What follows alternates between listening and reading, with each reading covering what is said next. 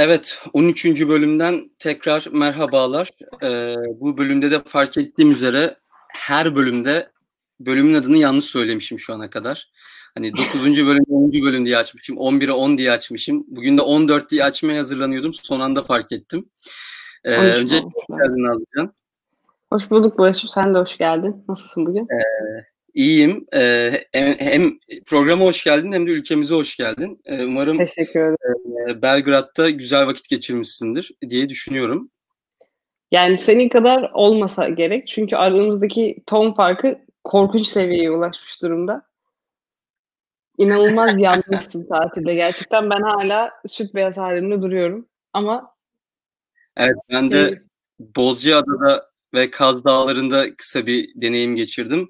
Ee, bu aralar Bozcaada bayağı popüler. Orada sadece orada satılan ve yaklaşık 2500 şişe üretilen Ayapetro markasında bir şarap var. Buna ulaşabilen herkese e, tavsiye ediyorum. Tam bir fiyat performans canavarı. Ee, İstanbul'a da getirmek için uğraştım ama unuttum. Şimdi konumuza dönelim. E, ikimiz de belli ki güzel bir hafta, enerjik bir hafta geçirmişiz.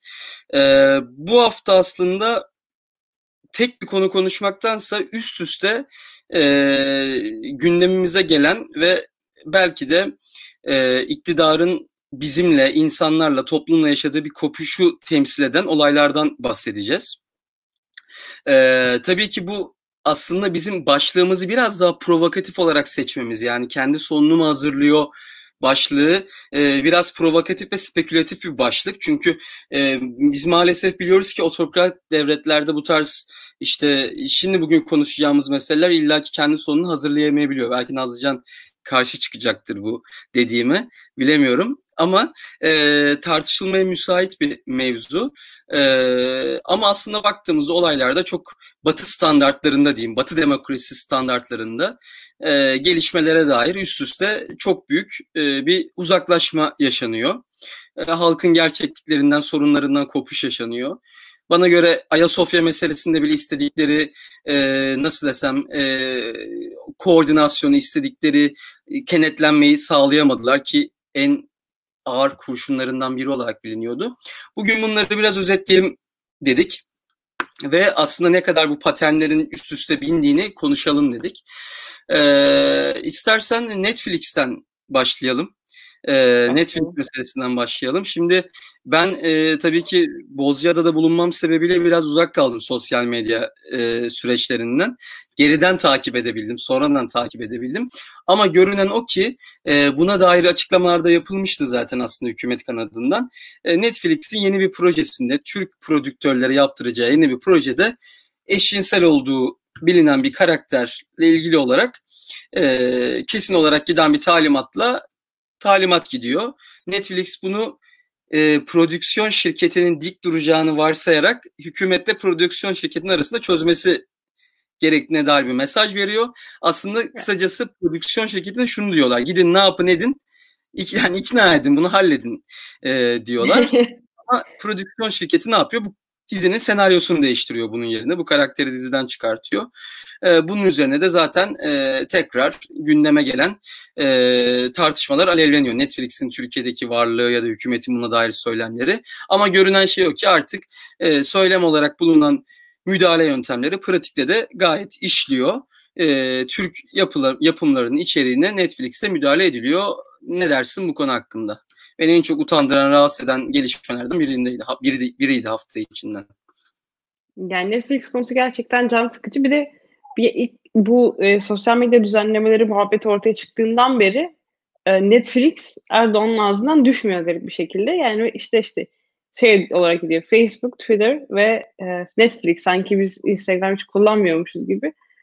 Olay bütün şeyler bu sosyal medya bu üç mecra üzerinden dönüyor garip bir şekilde.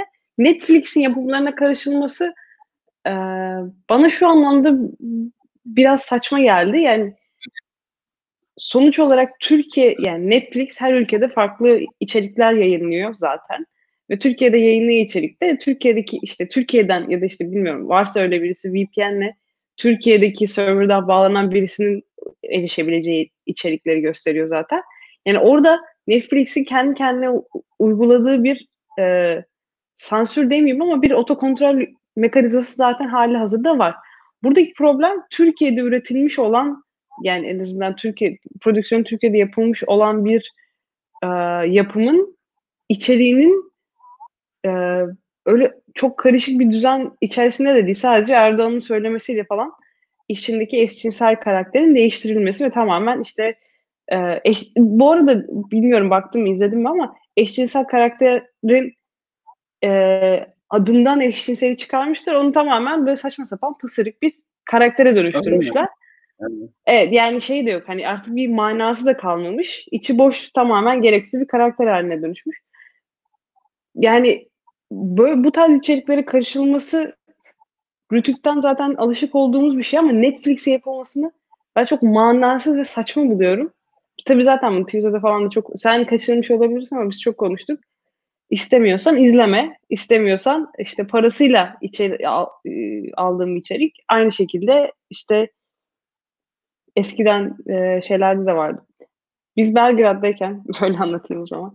E, pandemi sürecinde bu işte e, Netflix gibi bilmem ne işte bizdeki TV bu falan filan gibi e, servis sağlayıcıları pandemi sürecinde bütün kanalları açmışlar. Ve bütün kanalların içerisinde işte e, pornografik kanallar da varmış Belgrad'daki işte bu sistem içerisinde. İnsanlar şeyden bahsediyorlar işte biz öyle evde otururken e, şeyin arkası, arkadan televizyondan işte onu izliyorduk falan filan diyor. Gülüşüyorlardı falan böyle şeyler. Siz de yapmadılar mı falan dediler. Biraz baka kalıyorsun tabii yapacak bir şey yok. Yani biz zaten bir şeylerin sürekli olarak sansürlenmesine alışık olduğumuz için Netflix'e yapılmasını bir yandan manasız bir yandan saçma buluyorum. Ama tabii burada aslında spesifik olarak Netflix'e yapılıp yapılmamasının ötesinde bir e, mentalite problemi var fark ediyorsun. Zaten aynı şekilde her şey sürekli aynı şeyden bahsediyoruz. Bugün bütün konumuz aslında bu mentalitenin kendisini farklı farklı şekillerde göstermesi. Birazcık da bana şey gibi geliyor. Ee, pandemi sürecinde çok fazla insanların üzerine baskı kuramadıkları için kurabilecekleri yerlerde birdenbire sürekli e, şeyler çıkmaya başladı. İşte onu da keseriz, bunu da keseriz, bunu da kapatırız falan şeklinde. Ama bilmiyorum ne olacak. Um, şöyle bir enteresan bir durum var aslında. Um, Netflix'in e, bu mantalitesi yani Netflix'e yapılan müdahalelerle ilgili olarak e, Erdoğan'ın e, bu yöntemle savaş açması, savaş noktasına getirmesi aslında toplumsal dizaynlarının toplumsal dizayn etme amaçlarının bir tezahürü olarak görülüyor. Çünkü Netflix izlediğimiz zaman tabii ki şey söylemine kimse inanmıyor. Yani inanmıyoruz bizler tabii ki. Hani işte Netflix'te eşcinsel ilişki ya da ahlaksız bir şey görünce çocuklar bunu yapıyor. Normal eşcinsel oluyor. Eşcinsel olmak öyle bir şey değil tabii ki. Görüp özenerek ya da özenmeyerek yaptığım bir şey değil. Ama burada engellemeye çalıştıkları şey ne? Toplumsal yaşam içinde farklı insanların farklı yaşam tarzına, farklı yönelime, farklı cinsel e, statülere ya da tanımlamalara kendilerine sahip insanların bir arada olmasının normalleşmesi.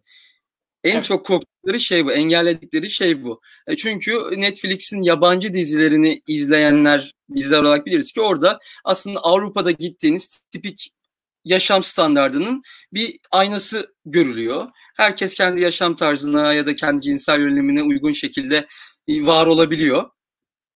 Türkiye'de de e, Netflix yasaklandığında eşcinsel sayısında bir düşüş yaşanmıyor yani böyle bir evet öyle bir, birlikte böyle bir onlar korele bir şekilde yani. gitmiyor gerçekten.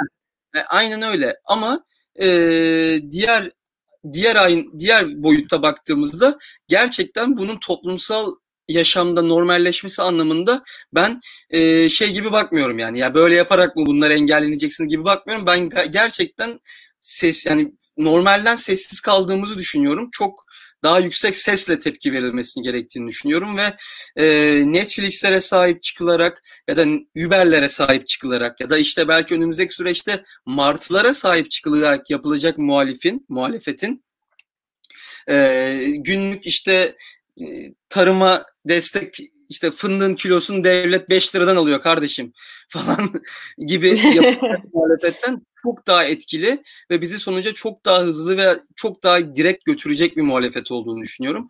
O yüzden aslında bazen ee, Netflix'i savunmak, Uber'i savunmak, e, Marty'yi savunmak sadece bunları savunmak demek değildir. E, onların burada var olmasını savunmak demek, onları burada var eden mekanizmaları savunmak demektir.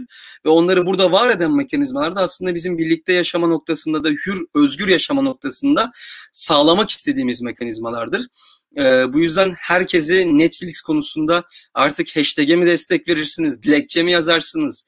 E, buna gerçekten izin vermeyelim. Benim çok kanıma dokunan e, meselelerden bir tanesi oldu. E, e, eklemek istediğim bir şey var mı bu meseleyle ilgili bilmiyorum. Sen örneğin verilen tepkinin yeterli. Yani örneğin siyasi partiler bu meseleye hala çok karikatürize ve bence zorlama bakıyorlar. Yani siyasetçiler işte siyasi parti liderleri falan. Yani ben bununla ilgili yaratıcı bir içerik üretemeyen bütün gençlik kolları falan kapatılmalı. Çok samimi söylüyorum yani ya da istifası falan istensin yani ee, şeydekiler. Bu siyasi parti gençlik kollarının. Çok da sinirliyim ben daha fazla yükselmeden sana diyeyim yani. Ya gerçekten şöyle bir durum var. Ee, Türkiye içerisinde biz mesela şeyi biliyoruz. Hak savunmayı biliyoruz ya da ne bileyim işte bilmem kim yalnız değildir diye hashtag çıkmayı biliyoruz gerçekten ama bu tarz sosyal özgürlükler konusuna geldiği zaman nedense öyle bir refleks, refleks henüz geliştirmemişiz. Yani sosyal medyada konuştuğumuz çok fazla şey var. Netflix üzerinden çok fazla şey konuşuyoruz ama bunları bir kampanya haline dönüştüremiyoruz. Bunu ve bir şekilde yani bu şeyler de oluşuyor. Martı için aynısı geçerli. İşte Netflix için aynısı geçerli, Uber için aynısı geçerli, e, Booking.com için aynısı geçerli, e, PayPal için de geçerli. Bunlar PayPal. üzerinde nedense bir şekilde e, bir birlik kurup bir şey yapamıyoruz ama mesela karşı taraftan baktığımızda AKP seçmeninin koyu renkli cam filmi üzerinden bir birlik yaratabilme kuvvet, gücü var, kuvveti var. Neden, nereden geliyor bilmiyorum. Bizim yapamadığımız bir şey gerçekten. Ee, koyu renkli cam filmi vakası Süleyman Soylu'yu herhalde geri adım attıran yegane yani Süleyman Soylu'nun otoritesini falan sarsan yegane olaylardan bir tanesi olabilir yani tak diye şey yapan ee, doğru. Gerçekten garip yani. Bir de şimdi şöyle bir şey var. Ee, bu Netflix'in özelinde değil de genel olarak sosyal medya yasası var. İşte sen onu da kaçırmış olabilirsin. Beş aşamalı bir yasadan oluşuyor. Ee, benim ilgimi en çok çeken kısmı şey oldu. Ee, işte aynı işte bu büyük servis sağlayıcıların Türkiye'de bir e, ofisi olması gerekiyor. Bir işte e, karşılık görebilmek için bilmem ne falan filan. Onun ötesinde bir de şöyle bir şey var. 1 milyon kullanıcılı 1 milyondan daha fazla kullanıcısı varsa işte farklı e, denetime girmeye başlıyor sanırım. Ben burada aslında bizim yapabileceğimiz çok şey bir şey görüyorum. Ee, orada bir ne, ne diyeyim işte e, bir avantaj var orada yani kendi avantajımıza kullanabileceğimiz bir durum var. Şimdi herkes kendi takipçilerini alıp farklı bir siteye geçerse bir sürü Twitter'ımız olmuş olur diye düşünüyorum. Biraz, biraz daha yani 1 milyon kullanıcı Türkiye'de kaç milyon e, kullanıcı var bilmiyorum e, Twitter üzerinden ama özellikle Twitter üzerinden yani e, sadece hesap açtığın ülkeyi değiştirerek kaçabileceğin bir problemden nasıl bu kadar büyük bir e, fırtına yarattıklarını tam olarak anlamıyorum zaten. Ama evet, onun ötesinde mesela Martı kısmı da çok. Türkiye'de 11 milyon Twitter kullanıcısı varmış bu arada. 11.8 milyon. Türkiye çok e, ateşli Twitter kullanıcıları olan ülkelerden biri. Mesela şeyde falan yok. E, Amerika'da çok fazla var. Türkiye'de çok fazla var. Latin Amerika'da bazı ülkelerde fazla var. Ama onun dışında mesela Avrupa'da çok kullanılmıyor aslında. E, Avrupa'da ikinci e, sıradaymış bu arada Türkiye'de.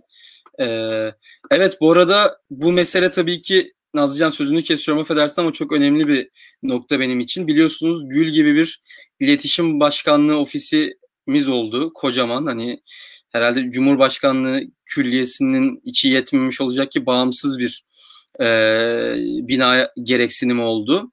E, bu tarz düzenlemelerin e, başkanlığını da bu iletişim baş, başkanlığı ofisinden çıkıyor genelde. Olayların takibi, propagandası, aklaması ki aynı ofis örneğin Ayasofya olayında Nazlıcan sen bana atmıştın sanırım müthiş bir e, olay. E, aynı açıklama, aynı ofisten çıkmış açıklama ama Ara, Arapçası farklı. E, evet. İngilizcesi farklı, e, Farsçası farklı.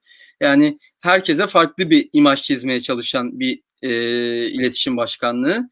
E, daha çok iletişememe iletişimememe başkanlığı falan filan gibi espriler yapılabilir. Evet ya ama evet. gerçekten şeyde bir de bilmiyorum şey gördün mü? Ee, adamı soyadını unuttum. Ee, Milli Savunma Bakanımız Hulusi Hulusi Akar. Hulusi Akar'ın bir küçük bir videosu düştü hatırlıyor musun bilmiyorum. Ee, şeyde Avrupa Birliği bilmem ne komisyonunda bir yerde konuşuyor. Ee, Türkçe konuştuğu süreç içerisinde gerçekten küfür kıyamet. İşte siz hainler, siz şöyleler bilmem ne bilmem ne. En son thank you very much falan şeklinde bitiriyor garip bir şekilde. Gerçekten Türkiye'nin iç ve dış politikası arasındaki bu uçurumu çok iyi özetleyen anlardan biriydi. Ben hala e, bunun korunmaya çalıştığını düşünüyordum. Ta ki bu e, Ayasofya muhabbetine kadar da, daha sonra bu sosyal medya özellikle bu kısma kadar da çok bence e, genel olarak yani Avrupa'daki politika yapıcılarının dikkatini çekebilecek derecede ekstrem radikal örneklerle e, kendi e, vatandaşlarını kısıtlamaya çalışmaları benim gerçekten benim bir tık yani şeyim e, şu anda hükümetin bir tık üste çıktığını düşündürdü. Yani özellikle bütün bu baskılama araçlarının ötesinde farklı bir kafa yapısına geldiklerini düşündürdü bana açıkçası. Ve bütün bu bugün bugün programda konuşacağımız şimdi birazdan kadın cinayetleri ve İstanbul Sözleşmesi meselesine de gideceğiz yine bu e, savaş açma ve kendi kendinin kuyusunu kazma muhabbetinde ama lütfen İlkan dinliyorsa programlarında buna değinme, yani bunu tartışmalarını rica ediyorum. Herhalde bu seçim sisteminin değişmesiyle normalde bir çeşit toplumsal koalisyon kurma ihtiyacı olan e, partiler %51'i sağlama güdüsüne gittiler ve bu anlamda %51 sağladığı sürece toplumdaki polarizasyonun ya da işte açılan gediklerin ya da işte ihtilafın toplumdaki kesimler arasındaki ihtilafın anlamı anlamı kalmadı. Anlamsızlaştı bu durum. E, bu yüzden e, benim aslında yayının başında söylediğim bu tarz savaşlarla yine de kazanır halde kalabilirlerden kastım bu aslında. E, çünkü İslam buradan aslında kadın cinayetlerine ve İstanbul Sözleşmesi'ne bağlamak istiyorum gerçekten inanılmaz bir e, ağız birliğiyle e, gerçi sanırım Devlet Bahçeli bugün aksi yani o da bazı Twitter kullanmayacağını söylemişti. Bugün tweet falan. Aynen hala yani. takılıyor. Var mı öyle bir şey? Var mı öyle bir şey? e, onu da anlamadım. Ama şundan bahsediyorum. E, tamamen kutuplaştırma yönelik, tamamen %51 kanalize etmeye yönelik bir e, tutum var. Yani İstanbul Sözleşmesi ben gerçekten 2-3 hafta önce ilk gündeme geldiğinde e, sözleşmenin adını biliyordum, ne ifade ettiğini biliyordum ama maddelerine tam bakmamıştım. Hani gerçekten öyle elle tutulur bir yanı yok savunmamanın. Hani öyle evet, evet. E, ne bileyim Netflix'te şeyi falan bile kesinlikle sonuna kadar karşılıklarını da anlarım. Hani dünya görüşüne karşı yasaklamaya çalışıyor, boomer falan filan anlarsın onu bunu yasaklamak falan. Hani ama İstanbul Sözleşmesi'nde e, hiçbir mesele yok. Tartışma evet. Bunda bile bir ağız birliği ve konsolidasyon şeyi var. Ee, herhalde bir, çok yakın zamanda 2-3 gün önce çok yine vahşi bir kadın cinayetiyle yine karşılaştık. Ee, çok kendi oradan da ailesine hemen başsağlığı dileyelim buradan ama sen bilmiyorum ne diyorsun bu konu hakkında? Özellikle bir e, kadın olarak ne demek istersin? Yani kadın olarak söyleyecek çok fazla toparlayacak bir şey bulamıyorum açıkçası. Çünkü kadın cinayetleri yeni olan bir şey değil. Türkiye'nin her zaman e, içi, içinde bulun her zaman Türkiye'de olan bir şeydi. Sadece son zamanlarda dikkat çekebilmeyi başar, başardığımız konulardan biri. Bu yüzden aslında yani Türkiye'deki kadın hareketini ben yani genel olarak bütün politik hareketler içerisinde en e, güçlü, en kuvvetli hareketlerden biri olduğunu düşünüyorum. Ee, onların sayesinde e, yani İstanbul Sözleşme İstanbul Anlaşması'nın çıkmasının ya da en azından İstanbul Anlaşması olarak Türkiye'de bunu lanse edilebilmesinin en önemli sebeplerinden biri Türkiye'deki yine kadın hareketidir bence. E, bunun ama tabii yapabil yani hareketlerin ya da sivil toplumun yapabilecekleri de bir yere kadar sınırlı doğal olarak. Çünkü e, zaten şeye baktığım zaman İstanbul Anlaşması'na baktığımız zaman işte koruma var. E, dur bakayım neydi? Ko- işte koruma var, e, önleme var. Bir de işte birleştirme var sanırım. Yani bir kadınları korumak üzerine bir söz veriyorsun. Bir bu durumları önlemek üzerine söz veriyorsun. Bir de böyle bir durum gerçekleştiğinde bunun işte adalete intikal etmesiyle ilgili bir e, durum var, bir kısmı var. Bir de onu yapacağına dair bir söz veriyorsun. Türkiye'de bunların hiç üç, üçü de olmuyor ve üçünün de bir e, nedense bir şekilde bir karşılığı bulunamıyor.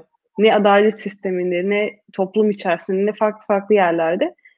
E, ama mesela geçenlerde, dün ben de dün paylaştım sanırım. E, anlaşmanın imzalandığı 2011 yılında, 2011 2013 tam hatırlamıyorum. İlk yılda e, kadın cinayetleri sayısı ciddi bir oranda artıyor. Ve şey, azalıyor pardon. Ve azaldığı ilk yıl ve tek yıl ne yazık ki bu yıl oluyor. Daha sonra bu anlaşma çok ıı, dikkatli bir şekilde uygulanmadığında zaten e, 2008'den 2020 yılına kadar kadın cinayetlerinin dörde yıl, yıl içerisinde yüzde dört bir artış içerisinde olduğunu görüyoruz. Yani bir kadın olarak yapmaya kendimizi korumaya çalışmamız ya da bazı şeylerden e, uzak durmaya çalışmamız e, ve bunları yaparken de bunları yapmak zorunda olduğumuzu hissetmememiz dahi beni gerçekten üzen ve yoran şeylerden biri. Yani işte e, kapıyı açarken, kuryeciye kapıyı açarken üstümü değiştiriyor olmam benim için artık bir refleks haline aldı. Ama keşke refleks haline al almasaydı çünkü ben bunu Twitter'da yazıldığını görene kadar bilinçli bir şekilde yaptığımı hatırlamıyorum. Ama Hı-hı. yapıyorum tabii ki. Hı-hı. Ee,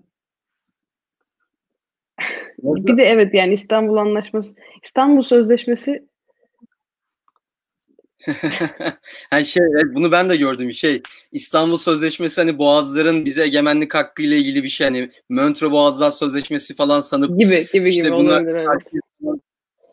evet doğru ben de gördüm onu.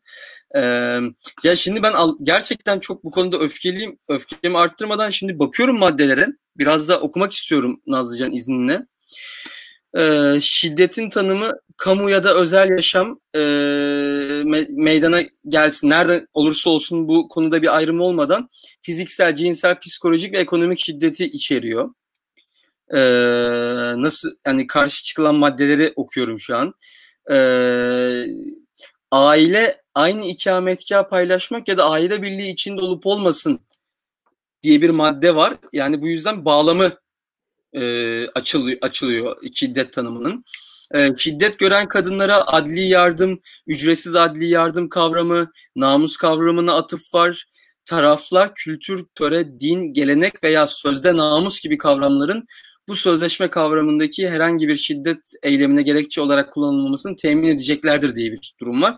Ki aslında bizim herhalde bu tarz durumlar e, erkeklere en çok e, hafifletilme e, veren e, meselelerden bir tanesi. Hani ne derler onun hukuki tabirini unuttum.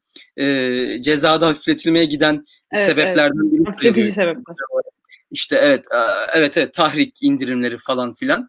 Bunu bozuyor. Yani gerçekten e, heh, şu çok önemli. E, taciz amacı takibin de cezalandırılmasını istiyor. Fiziksel davranışın yanı sıra cinsel mahiyette sözlü veya sözlü olmayan davranışları da cinsel taciz kapsamına alıyor gibi bir durum var. Şimdi böyle şöyle bir şey var bir de bir yandan düşündüğüm zaman. E, tabii bunların önce yargıya bir şekilde intikal et, etmesi lazım ki İstanbul Anlaşması bir şekilde ilerliyor olsun ama e, taciz amaçlı sözleri ve işte takibi bilmem ne falan filan aldığımız zaman Türkiye'de zaten buna bununla başa çıkmamış bir tane bile kadın yok. Hı hı. Yani işin gerçekten ucunu alamayacağımız bir yere gidiyor. Ha bu şey demek değil İstanbul Sözleşmesi'ni e, uygulamalarım demek değil. Bu aslında Türkiye'nin İstanbul Sözleşmesi imzalamasının aslında ne kadar önemli bir adım olduğunu gösteriyor bence. Ancak bu ileri, ileri atılmış olan adımı hiçbir anlam yüklenmediyse yapılmasının sebebi neydi? Ben onu da merak ediyorum bir yandan. Bu arada evet. güzel bir bilgi paylaşıldı. İstanbul Barası'nın İstanbul Sözleşmesi için hazırladığı güzel bir PDF varmış. Ee, link bırakabilirseniz çok güzel olur. Yok ben bu PDF'i biliyorum ve hemen bırakıyorum.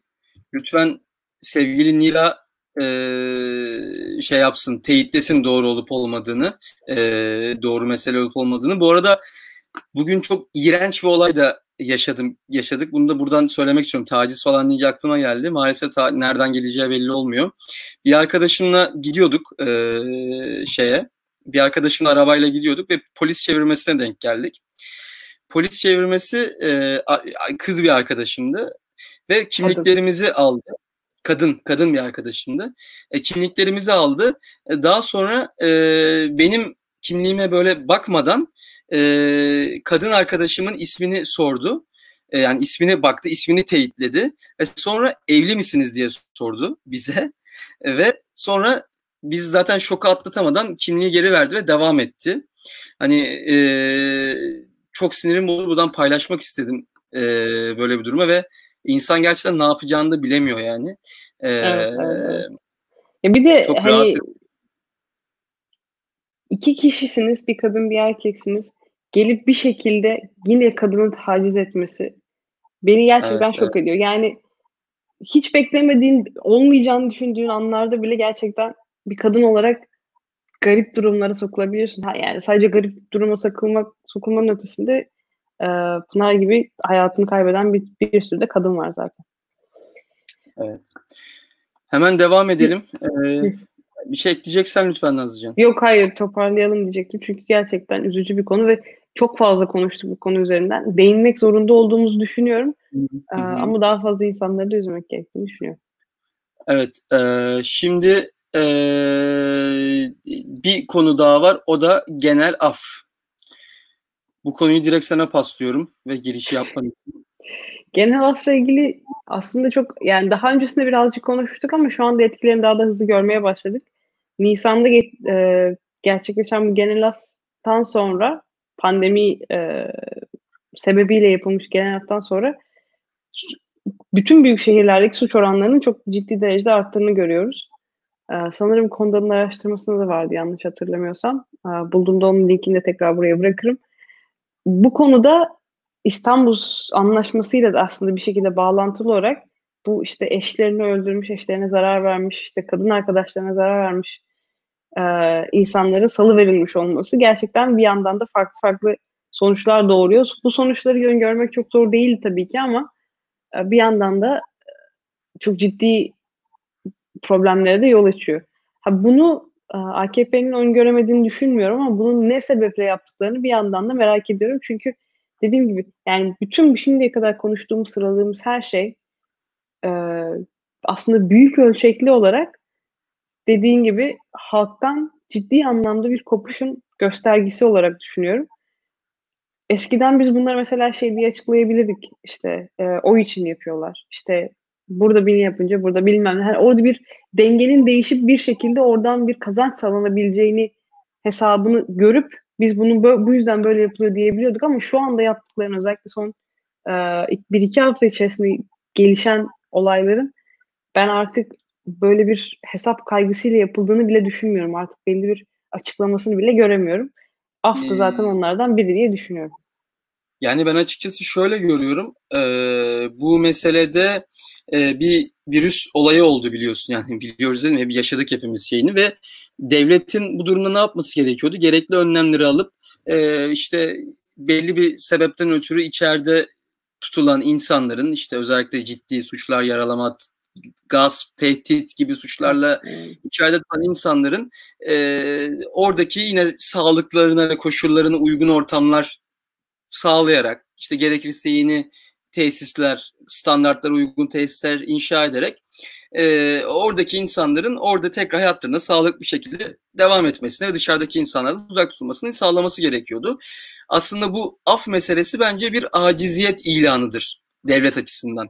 Yani şu demektir. Evet. Ben buradaki insanların güvenliğini sağlayamıyorum. Ben buradaki insan buradaki şeyler içinde virüsün yayılmamasını gerektiren şartları sağlayamıyorum. bu konuda beceremiyorum. Bunun da maliyetini kendime yüklemektense bunun da maliyetini topluma yüklemek istiyorum. Bunun maliyetini insanlara yüklemek istiyorum gibi. Ha, tabii ki onlar böyle söylemeyecekti de benim hani çıkarımı tabii ki söylüyorum. çıkarımımız bu yönde gerçekten. De, de, demesi budur. Ve biz de hem Nazlıcan'la yaptığımız bütün programlarda hem de muhtemelen hani herkes adına konuşacak olursa Daktilo 1984 platformu olarak da e, kendi hatalarının, kendi sorumsuzluklarının maliyetini kendilerine almaktansa vatandaşa yükleyen bütün siyasetçilerin, bütün siyasi yapıların karşısındayız tabii ki en hafif tabirle.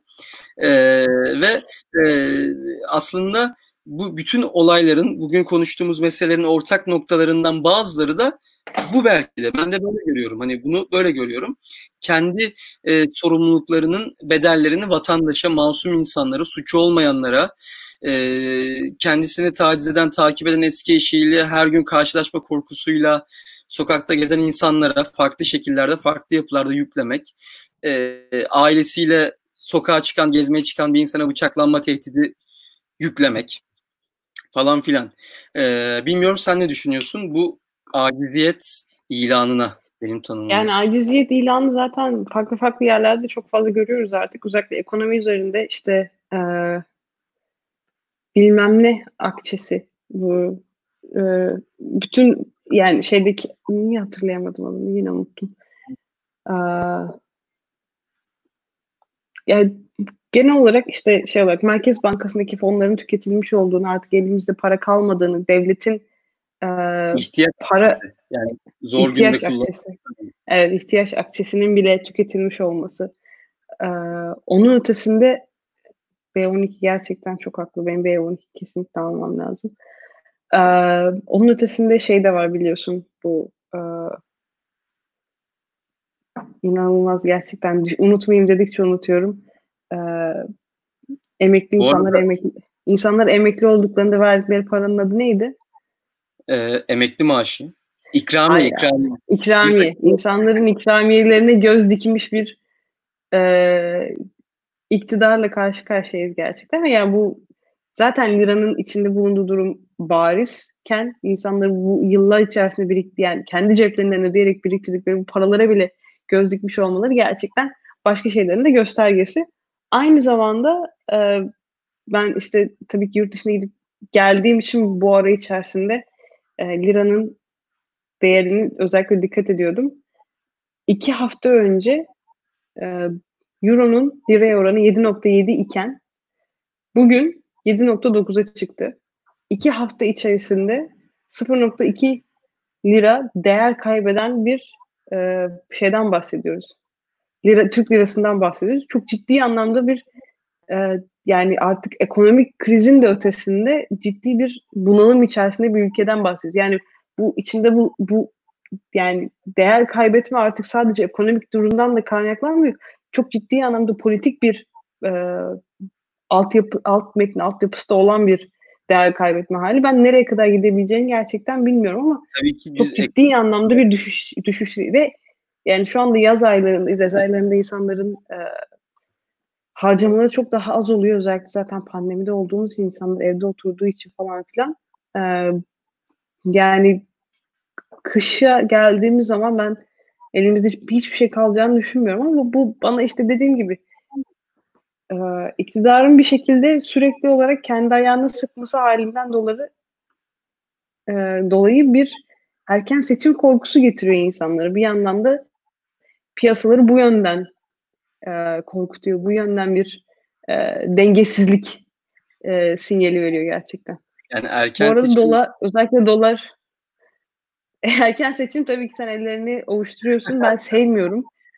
Çünkü Türk Türkiye analizi yapmayı bilmediğim için e, sizin yanınızda ben sadece Twitter okuyorum. Ben öyle Twitter yürümüyor o, süreçlerde.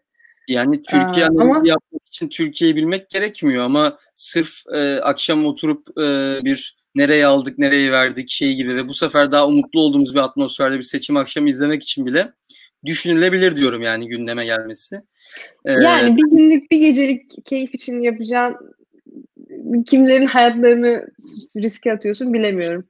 Bu arada e, Euro'yu ne kadar şöyle diyeyim en azından Türkiye e, seçim sonuçları, seçim atmosferini ne kadar sevmiyorsam doları da o kadar takip etmeyi seviyorum. Dolar gerçekten 6.85'te kilitlenmiş durumda. Euro bu kadar sürekli artarken e, ben ta, yine Hong Kong piyasasında swap yaptıklarını Aynen. düşünüyorum. Başka başka bir açıklaması yok gerçekten. Ee, ama bekliyorum. Artık programın son 10 dakikasında Nazlıcan'la piyasa analizi ve yatırım tavsiyeleri şeklinde. Yatırım tavsiyesi değildir. Altın alın ama. Yani altın alabiliyorsanız altın alın. evet yani burada itiraf ediyorum. Burada ben bir seçim gecesi bağımlısıyım.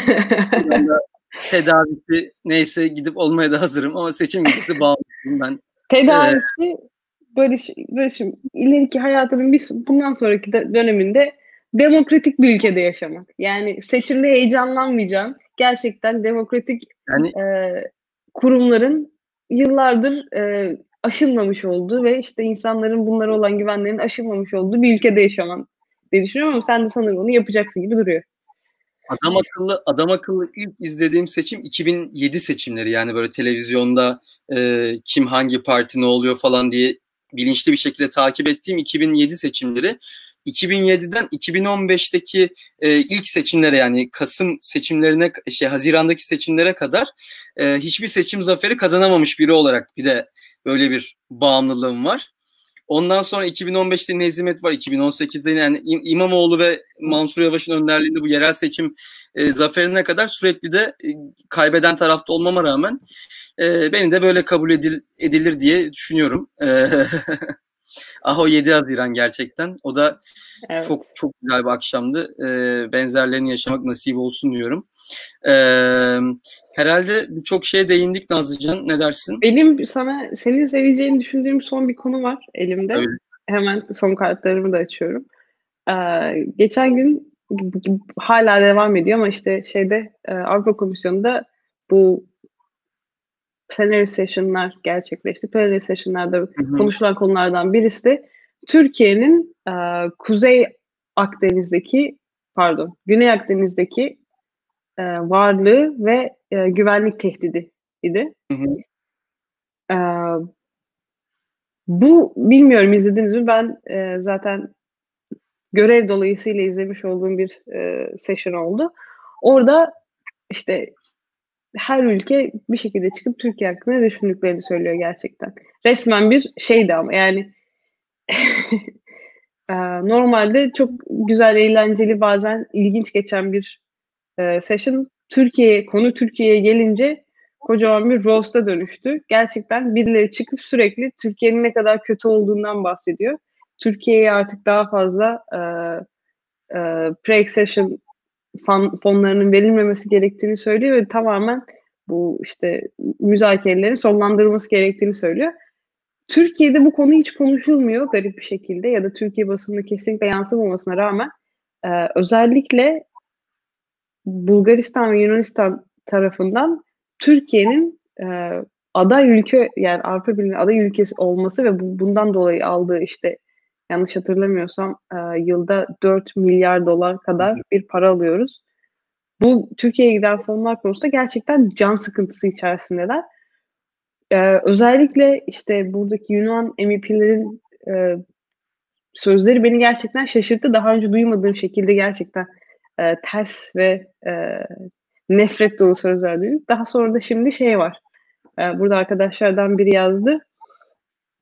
E, Türk Türkiye'nin bir e, sismik bilmem ne gemisi iki Yunan adasının arasında bir işte sismik aktivite keşfettiği için orada şeye çıkıyor. Keşfe çıkıyor. Keşfe çıktığını da ilanını vermesine rağmen e, birdenbire Yunanistan'da çok ciddi bir olay haline dönüşüyor. İşte Türkiye'de oruç bilmem ne gemisi var. İşte 18 tane filo ile birlikte geliyorlar. Adalarımızı işgal ediyorlar. Kıta sahanlığımızı işgal ediyorlar falan filan diye. Bütün e, Yunan basını bunu konuşuyor. Ben bize baktığımız zaman ben hiçbir yerde görmüyorum. Yani aslında baktığım zaman Erdoğan çok işine yarayabilecek güzel bir e, sansasyon. Yani insanları gerçekten farklı farklı konulardan e, alıkoyup direkt e, hiç düşünmeden Yunan düşmanlığına itebilecek güzel sansasyonel bir haber olmasına rağmen Türkiye basında yer almamasını yer almadığını görünce dedim ki bu işin de bir biteniği var.